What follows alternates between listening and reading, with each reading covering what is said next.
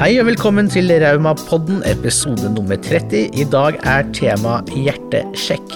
Vi har med oss generalsekretær NRF Bo, forsker og leder for den forebyggende helseklinikken på Diakonhjemmet, Anne Grete Sem, og sjølveste Egil Drillo Olsen. Ja, hei og velkommen til eh, Hjertesjekk del to. Den eh, observante lytter har jo sett at vi har hatt eh, tema hjertesjekk i tidligere episoder. I dag skal vi snakke litt mer om det. Jeg må bare si at selv om ikke Anna er her i dag, så stiller vi både manns- og kvinnesterke. Vi har med oss generalsekretær i Norsk Revmatikerforbund, Bo. Så har vi med oss leder og forsker for, altså leder for den forebyggende klinikken for hjerte og helse på Diakonhjemmet. Og sist, men ikke minst, Egil Drillo Olsen, som sikkert mange kjenner fra før når det kommer til fotball og kunnskap, geografisk kunnskap. men hva med revmatisme og hjertehelse? Egil Drillo Olsen, hva er din erfaring med det? Nei, jeg har hatt revmatisme, eller bechterev, siden jeg var ganske ung. Fikk vel påvist bechterev når jeg var i slutten av 30-åra.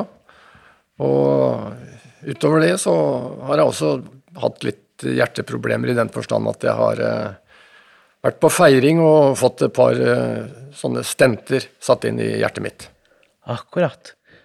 Hvordan var fokuset på hjertehelse da Drillo var i 30-årene, Anne Grete? Da Drillo var i 30-årene og nå er 80 år, så vil det si for 50 år siden, da var det ganske annerledes enn det er i dag. Vi startet den forebyggende hjerte-revmaklinikken på Diakonhjemmet sykehus i 2008 med fokus på forebygging av hjerte-karsykdom hos pasienter med da bektere, revmatoid artritt og psoriasisartritt. Og, og, Drillo er jo et strålende eksempel på at han gjør alt riktig slik jeg ønsker at mine pasienter skal gjøre det. Han, han uh, er fysisk aktiv, han går tur daglig, har to hunder. Uh, går ganske lange turer også. Um, han holder kolesterolet sitt og blodtrykket sitt nede med de medisinene vi har gitt, ham. Han holder seg slank. Han øhm, røyker ikke. Han er et et prakteksemplar av en pasient som jeg ville ønske at alle var slik som han. Ja, du verden, det høres uh, flott ut. Den uh, ideelle pasient. Um, Bo, hva er det NRF gjør konkret nå for å sette fokus på hjertesjekk og hjertehelse? Altså, Denne kampanjen er jo veldig, veldig viktig for oss.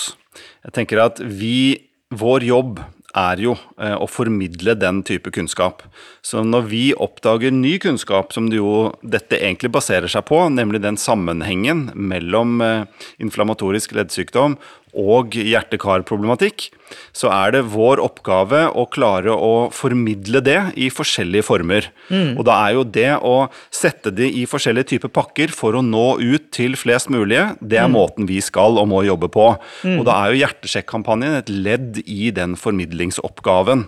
Og det at vi sitter her i dag og snakker sammen, er også ledd i å nå ut med det budskapet, fordi vi tror, og vet for så vidt, at ikke alle er klar over dette.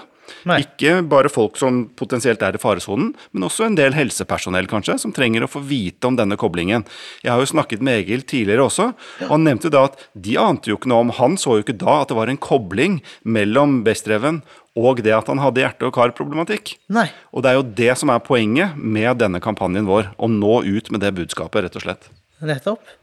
Er du enig i det? Anne Grete? Så absolutt. Dette er et fantastisk flott initiativ fra NRF som jeg setter utrolig stor pris på. Mm. Um, i tillegg til de opplysningene som generalsekretæren kom med, så, så, er det jo også slik at kunnskapen om den høye risikoen for hjerte-karsykdom hos pasienter med betennelsesaktig leddsykdom, altså bekter, leddgikt og psoriasisartritt, den er ikke så god. Og den er heller ikke god i den generelle befolkningen, og heller ikke god hos eh, helsepersonell. Nei. Slik at denne informasjonskampanjen på dette nivået også er viktig. I tillegg så er det slik at forebygging av hjerte-karsykdom den skjer oftest i de fleste land, og oftest i Norge, hos fastlegen. Ja. Men det er jo slik at pasienter med inflammatorisk eller betennelsesaktig leddsykdom de ser sin fastlege sjeldnere enn den generelle befolkningen. Nettopp fordi at de har en kronisk sykdom og er opptatt av å gå til revmatologen for å få hjelp til å øh, håndtere den. Når og hvordan var det du eh, ble klar over eh, den økte hjerte-helse-risikoen, Drillo? Nei, det, det ante jo ingenting om det, men Det starta vel med at min eh, tidligere assistenttrener Bjørn Hansen, som nå er mhm. borte, mm. han falt over ende på fly med Rosenborg og ble kjørt på sykehus. og tror han fikk fem eller seks sånne bypasser. Alt var tett. Og så går jeg til min hjertelege og så sier, spør jeg liksom Bjørn Hansen falt over ende, han ante ingenting. Kanskje tett hos meg òg? Nei, du er frisk, og ja. Så, så sjekka han meg, og så ble han litt usikker, og så sendte han meg på feiring, og så fikk jeg to stenter. Så det var mm. for mitt initiativ som gjorde at jeg fikk de to stentene. Det er sikkert ikke alle der eh, som hører på noe som vet hva stenter er, er det?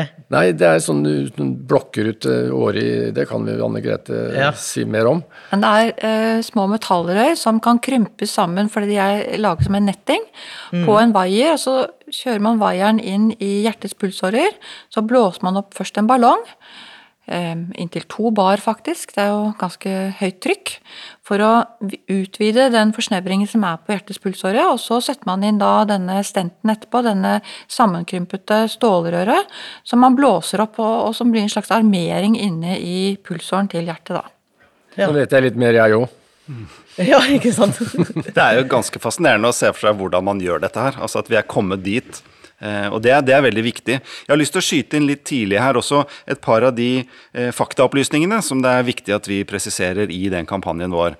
For, og så får dere arrestere meg hvis jeg eh, sier noe gærent her, men ideen her er jo at hvis du lider av inflammatorisk leddsykdom, da, som jo selvfølgelig ikke gjelder alle med revmatologiske sykdommer, men det gjelder en del, så har du altså 40 høyere risiko for også å ha hjerte- og karproblematikk. Og Derfor ønsker man at man skal snakke med fastlegen sin om dette. Det er det som er utgangspunktet. Det er veldig enkelt, men det er en høy terskel for mange å gå og snakke med legen, særlig hvis man ikke vet om dette. Og det er derfor vi gjentar dette nærmest til det kjedsommelige, for å passe på at folk som er, eller i hvert fall tror de kan være, i faresonen for dette, tar den utsjekken med legen, og kanskje maser litt på legen også, hvis legen bare avfeier det med at nei, det er ikke noe problem. Jo, jeg vil gjerne at du sjekker. Derfor så har vi et sånt kort som del av denne kampanjen, hvor man krysser av hvor du ser hvilke tester det er vi ønsker at man skal gjøre, sånn at du kan ta med det til legen og forklare legen jeg vil gjerne at du sjekker meg for dette. Og så kan man utføre det. Og hvis man sier, etter de sjekkene sier at nei, men du er ikke i faresonen, ja, men det er greit, da går du hjem, og alle er fornøyd. Men hvis det viser seg at du faktisk var i faresonen, så kan man utrede dette videre. Og det er det veldig viktig at man får til, altså. Absolutt, så må man være veldig bevisst på det, selv om man eh, kanskje føler seg frisk og rask. Og, sånn, man kan på en måte ikke kjenne på kroppen at man har høyt blodtrykk eller tette, eh, tette blodårer, for å si det sånn. Men eh, hvordan er det den forebyggende klinikken på Diakonhjemmet jobber for å ta disse testene og utredningene?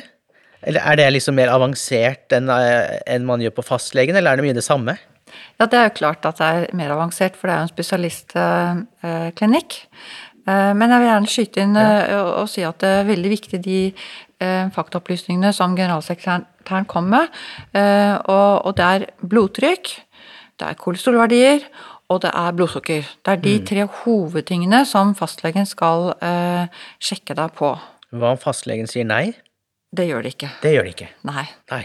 Det vi gjør i tillegg, er at vi gjør ultralyd av halspulsårer på eh, alle pasienter som blir eh, nyhenvist for å få utført en risikovurdering for fremtidig hjerte-karsykdom kommende ti år. Mm. Og så tar vi EKG, det er ikke alle eh, leger, fastleger som gjør. Blodtrykk, og vi ser på pulsårestivhet, og vi ser på hele blodprøvespekteret som tas, pluss at pasientene også da svarer på et sekssiders spørreskjema om symptomer og etablert hjerte-karsykdom og andre sykdommer som gir en risiko for å få hjerte-karsykdom. Mm. Mm. I tillegg til de stentene, Drillo, hvilke forebyggende tiltak er det du gjør? Bortsett fra alle de positive tingene du nevnte tidligere, da. Men jeg tenkte medisinering, f.eks., eller? Nei, jeg går på noen medisiner for blodtrykk og kolesterol. Mm. Men eh, ellers så er jeg flink ikke til å trene. Jeg går tur hver dag. Uh, ulik lengde. Og så trener jeg bortimot ja, nesten hver dag. Jeg har en kjerring og ikke minst en datter som pusher meg der, så hvis jeg prøver å jukse og stå over litt, så ligger jeg tynt an. Så jeg, jeg, trener mye og holder meg i bra form så godt det lar seg gjøre for en uh, olding som, som jeg, som nå har blitt 80. Ja. Det der med, jeg må få lov til å skyte ja. inn her litt. Okay, det har gått noen historier. Trener du fortsatt oppe der på Sognsvann, på toppidrettssenteret der, eller? Jeg er i kjelleren på idrettshøyskolen og trener med jevne mellomrom. Ja, ikke sant. For det er blitt fortalt av andre som jobber her, at eh, du er veldig imot å ha på musikk når man trener. Stemmer det, eller? Ja, jeg har blitt spurt om hva slags musikk jeg liker, og da svarer jeg gjerne lav. ja, ikke sant. Så da tenker jeg at det stemmer. Men eh, ja, nei, det er godt å vite. Men jeg også, vi snakket litt tidligere, Egil, også. Jeg synes det var veldig interessant å høre hvordan du kom inn i det at du faktisk hadde eh, Bestrev eller spondylartritt. da. Hvordan oppdaget du det første gang? Nei, altså Jeg ble jo stivere og stivere og hadde begynt å få smerter og var hos flere leger, og, men det var altså en fysioterapeut, uh, Olav Evjent, som, som, fant ut, eller han sa veldig kjapt, at du har Bechdrev. Og det viste seg jo at det stemte jo. Men uh, jeg husker jo til og med når jeg var i militæret som 20-åring, ikke sant, så var jeg den eneste i, i, troppen som sleit med å legge geværet bak på nakken. Jeg var for mm. stiv. Ikke sant? Så det var sikkert noe som lå der fra jeg var ganske ung, ja. Men jeg tenkte også, vi snakket også om det at tidene forandrer seg, og nå har vi internett, og folk snakker kanskje litt mer om det. Det er ikke så mye stigma forbundet med sykdom, og det er lettere å forstå hva ting er. For da dette var, og særlig i militæret, så var det vel ikke noe gutta snakket sammen om på den måten, liksom. Jeg, jeg får ikke geværet over skulderen. Kanskje jeg har en kronisk sykdom. Det var vel ikke det som slo folk på den tida? Nei, jeg tror at når jeg var i militæret, så ante ikke jeg hva Bechdrev var for noe. Nei, jeg visste vel knapt hva revmatisme var for noe. Bechdrev hørtes ut som en litt sånn skummel russer som vi egentlig skulle ut og slåss mot, liksom. Ja, ja. Men han var jo russer, var han ikke det? Ja, jo, sikkert. Nei, så det er bra. Det har skjedd mye bare på den tiden jeg også har hatt eh, revmatisk sykdom de siste, siste 15-20 mm, årene, så det har vært eh, bra. Men nå var det du, Drillo, kom i kontakt med Anne Grete. Jeg skjønner at dere kjenner hverandre litt fra før av? Er, Kanskje Anne Grete husker bedre enn meg, men det er mange mange år siden. Så jeg har vært hos Anne Grete sånn en gang i året i ja, hvor mange år? Det, ja, Helt siden 2008, tror jeg. Ja, det, ja jeg holdt på å si drøye ti år, så ja. det passer vel bra. Ja. Mm. Som en slags sånn årlig EU-godkjenning, da, på en måte? eller? årlig sjekk. ja. Er det noe du anbefaler alle å gjøre? Gå på årlig sjekk, eller? Ja, ikke hos meg. Det går ikke. Det går ikke, Nei, men... nei, nei er, altså de som uh, har spesiell risiko, ser jeg um, på jevnlig. Ellers er, er, jo dette fastlegearbeid. Ok. Ja, sånn ja. at uh, det vi gjør, eh, er at vi gjør en, eh, en, risikovurdering, og de med høy risiko setter jeg da på kolesterolsenkende behandling eller blodtrykkssenkende behandling, eller tar f.eks. 24 timers blodtrykk eller EKG-registrering for å se om det er noe uregelmessigheter som skal behandles på en annen måte. Mm. Eh, og så behandler jeg til, tar inn til kontroll til de er til anbefalte målnivåer av kolesterol eller rytme eller eh, blodtrykk. Og så slipper jeg det til fastlegen. Finnes det noen sånne sjekklister man kan gjøre selv som pasient for å vite om man er innenfor? Eller er det litt sånn individuelle forskjeller og Nei, altså innenfor det får man jo beskjed om eh, om man har oppnådd målnivåer av, av fastlegen, eller hvis man mm. er hos meg, da. Uh, og det er som sagt da blodtrykk, kolesterol og blodsukker som er det viktige. Mm. Jeg kan jo nevne at jeg også har hatt hjerteflimmer i mange, mange år. Mm. Som blei sånn gradvis mer og mer ubehagelig fordi han kom hyppigere og hyppigere. Og varte lenger og lenger. Så, men uh, den klarte de på Haukeland sykehus. å ordne opp i. Så at jeg Siste gang jeg hadde flimmer, var vel da i 2006 eller sju. Mm. Så, og det var en eh, lettelse å bli kvitt den eh, flimmeren. Mm. Hva, hvordan, hvilke symptomer, når vi først snakker om det, sikkert mm. noen som lurer det også, hvilke symptomer var det du kjente på da? Hva kan folk kjenne etter for å hvis de tror de selv kanskje har hjerteflimmer? Mm. Nei, altså du, det, er, det er ikke noe smertefullt, men det er ubehagelig. Og hjertet slår da i, i hytt og vær, og sånn ujevnt. Ja. Så du merker det ganske, ganske godt, men uh, uten at det, det gjør ikke noe direkte vondt, men det er, det er ubehagelig. Ja, nettopp. Og på slutten så hadde jeg det sånn tre-fire ganger i uka, og det varte mellom fem og ti timer hver gang. Oi, ja, så det da er jo ble det nesten en sånn Når du hadde det, så bare venta du på å bli kvitt det, og når du ikke hadde det, så venta du på å få det. Så nei, det var deilig å bli kvitt. Det er uregelmessig hurtig puls eh, av varierende varighet som, som er symptomene. Eh, og da kan man også bli svimmel. Eh, og hjertets eh, pumpeevne går ned med 25% så man, man orker jo mindre fysisk aktivitet enn tidligere. Ja. Og så gir det en økt risiko for hjerneslag, og det vil man vel ikke ha. Nei. Så hvis man har uregelmessig hurtig pulsanfall, så, så må man kontakte legen sin. Mm. Og den kan også bli da kronisk. Og behandlingen eh, er i første omgang eh, at man demper hurtigheten av pulsen, altså rytmedempende medisin. Eh, Og man får blodproppforhindrende medisin, for det er blodpropper som dannes i hjertet som smetter opp til hjernen, som gir et hjerneslag. Mm. Og hvis man da får kronisk flimmer og ikke har hatt det for lenge, så kan man behandle det slik som Drillo fikk på Haukeland. Nå gjøres jo denne prosedyren da på eh, de fleste universitetssykehus i, Norge.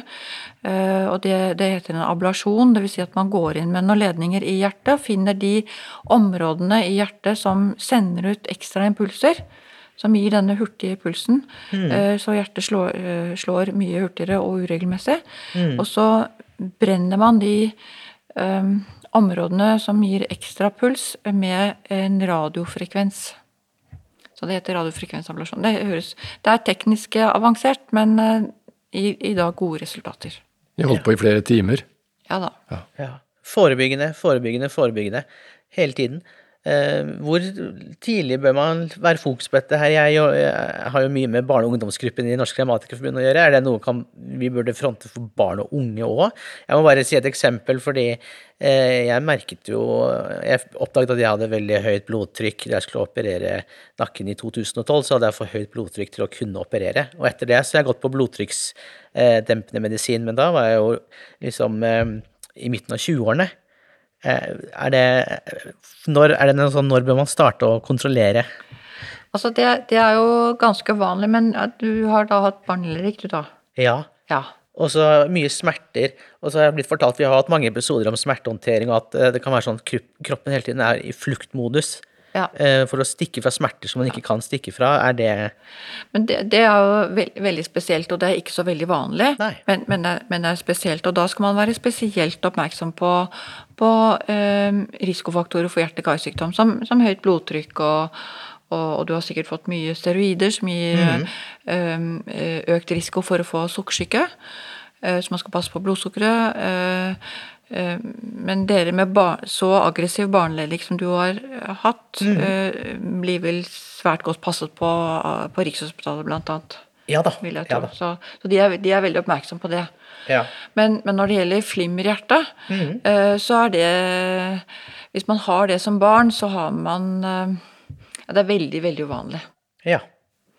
Eh, Det er vel ikke spesielt kunnskap om at dette er relatert til betennelsesaktig leddsykdom hos barn. Nei. Eh, Men med kanskje anatomiske og strukturelle um, genetiske endringer i hjertet, eh, så er det vel vanligere at man har det som barn. Så vi får bare oppfordre barn og unge til å være generelt fysisk aktive, spille fotball og gjøre det de Absolutt. syns er gøy, og Absolutt. være glad, og så mm. Ja. Vi tror det. Ja. Jeg, har, lyst til å, komme inn på én ting her, tilbake til den kampanjen som er veldig viktig for oss i Norsk Revmatikerforbund. Og det er jo, Vi merker jo at det er stor forskjell på kvinner og menn når det gjelder det å passe på helsa si, eller hvem som er opptatt av det, hvem som kanskje lytter til den informasjonen vi går ut med, etc. Og så ble det bemerket fra vår prosjektleder tidligere at etter at vi fikk med Egil på et par av disse tingene i kampanjen vår, så, så merket vi at det var flere menn som var interessert i å lytte, og som kanskje tok den ekstra sjekken. Og så begynte jeg å tenke, og kanskje svaret er enkelt, men jeg har lyst til å høre litt rundt her også. Hva tror du, Egil, med, med din erfaring og i din generasjon, hvorfor er gutta liksom så, så flaue for å sjekke seg, eller hvorfor er terskelen så mye høyere for å gå til legen? Eh, hva, hva tror du gjelder der? Det har jeg vel ikke noe godt uh, svar på, men eh, det har vel litt med makelighet å gjøre òg. Ja, det ordner seg. Jeg er fra Fredrikstad, vet du, så da tenker man at liksom, dette her eh, er ikke noe farlig. Men jeg, jeg har vokst opp i et miljø hvor jeg, jeg tror jeg har hatt en far som sikkert aldri har truffet en lege i hele sitt liv. Mm. Så liksom, det var ikke vanlig å, å, gå til legen og ta vare på helsa på samme måten. Men jeg er blitt sånn gradvis, sakte, men sikkert mer og mer opptatt av egen helse. Så, og da blitt ganske flink på mine gamle dager. Ikke sant. Hva kan du si til våre mannlige medlemmer, da, som er litt eh som har en høyere terskel. Har du noe, noe råd til dem, basert ja, på din egen erfaring? Glad i livet, og det er vel de fleste, så bør man være litt mer opptatt av egen helse og kanskje jobbe litt ekstra for å leve et langt og lykkelig liv. Ikke sant. Ja, det er kloke ord, det. Jeg lurte på en annen ting også. For eh, jeg leser meg opp på, på, de forskjellige tingene her. Jeg har jobbet i Norsk Revmatikerforbund et år nå og hatt en, en, bratt læringskurve. Det er veldig spennende. Men nå har jeg jo deg her, eh, Anne Grete. Og dette med at når du har betennelse i ledd, så har du større eh, risiko for hjerte- og karsykdom. Så har jeg lest at det, visstnok det er gjennom den betennelsen så produseres det et eller annet stoff som også da legger seg på innsiden av, av blodårene, og at det er det som kanskje gjør at du får den risikoen. Har, har, du noen mulighet for å forklare det litt bedre enn, enn det jeg gjør? Absolutt. Um, det var ikke helt riktig det du sa, så, så ja, her, kommer, her, kommer, den riktige versjonen. Altså, betennelse um, i kroppen uh, er det jo uh, det disse pasientene med betennelsesaktig leddsykdom har. Og kolesterolavleiring og uh, har også en del betennelse i seg. Og det er felles betennelsesmarkører eh, eller molekyler i den betennelsen som leddgiktpasienter har, og kolesterolavlæringssykdommen har. Slik at det å ha økt betennelse i kroppen gir en økt kolesterolavleiring. Nettopp. Så det er der sammenhengen er. Og så kan man jo tenke litt mer på at de siste 20 årene har man jo fått en voldsom bedring i betennelsestempende medisin for pasienter med revmatisk leddsykdom. Du tenker på biologisk eller andre òg? Ja, biologisk. Som er meget effektive betennelsesdempende medisiner. Og gi, har gitt mye eh, At mange pasienter nå kommer i remisjon, altså de ikke har sykdomsaktivitet lenger. Eller lav sykdomsaktivitet. Eh, vi vet foreløpig ikke om denne medisinen, eh, stempning av betennelse, vil gi en redusert eh, risiko for hjerte-karsykdom. Men da har jeg lyst til å nevne det at vi eh, siden i fjor har fått i hende det store norske Kardiorauma-registeret, som inneholder hele norske befolkningen, ca. 2,6 millioner personer over 18 år. Hvor vi har koblet til seks kvalitetsregistre i Norge, og har sett på dødeligheten hos pasienter med eh, leddgikt, psoriasisartritt og vektrev mellom 2008 og 2018. Mm. Og vi finner at til tross for at dødeligheten av hjerte-karsykdom har falt drastisk gjennom eh, dette tiåret, så har fortsatt leddgiktspasienter og Bechdrevs-pasienter 40% høyere risiko for å dø av hjerte-karsykdom enn den generelle befolkningen i Norge. Mm. Til tross for stor forbedring i medisinene. medisinene. Så da er det andre ting også. Ja. ja.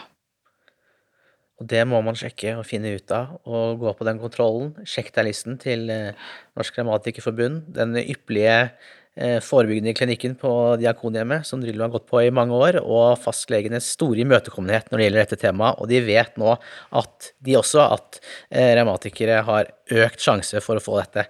Så um, det burde, i din forskning, du forsker på dette videre nå, vil jeg tro, og ser en tydelig dupp, i hvert fall i Norge, da, sikkert.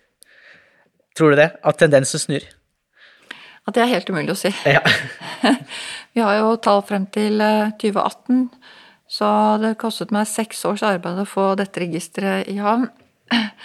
Så det blir etter min tid å se på de neste, de neste tiåret.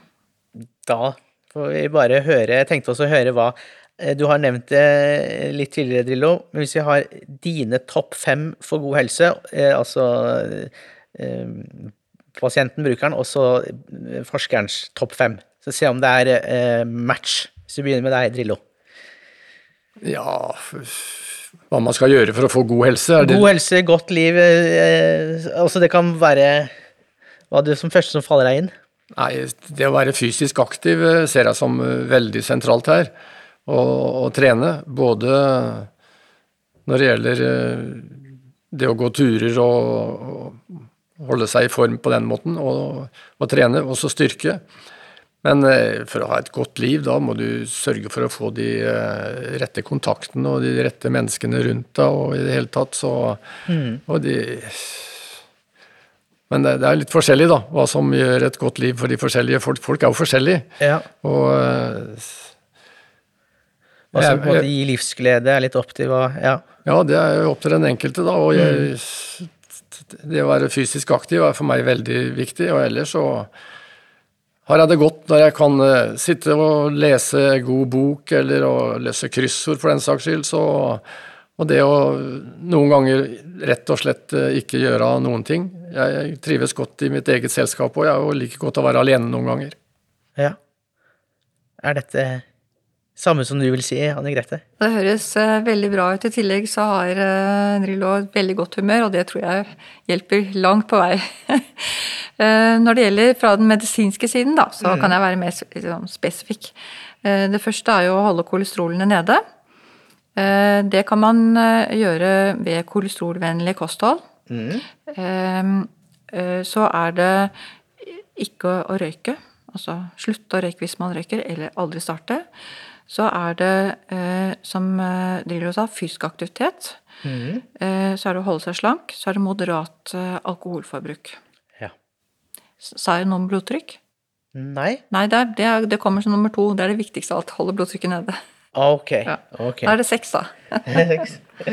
ja, jeg må bare si skyte inn at uh, etter uh, nakkeoperasjonen i 2012, så har jeg fått, uh, etter mye prøving og feiling, blodtrykket helt perfekt, 120 over 80, men det var en prosess fordi at det gikk på medisiner som gjorde at jeg ble slapp og sliten og sånn, og så etter å ha prøvd og feilet og gått på sånn døgnmåling som du nevnte og sånn, så, så går jeg nå på blodtrykksmedisin uten merke noe som helst bivirkninger.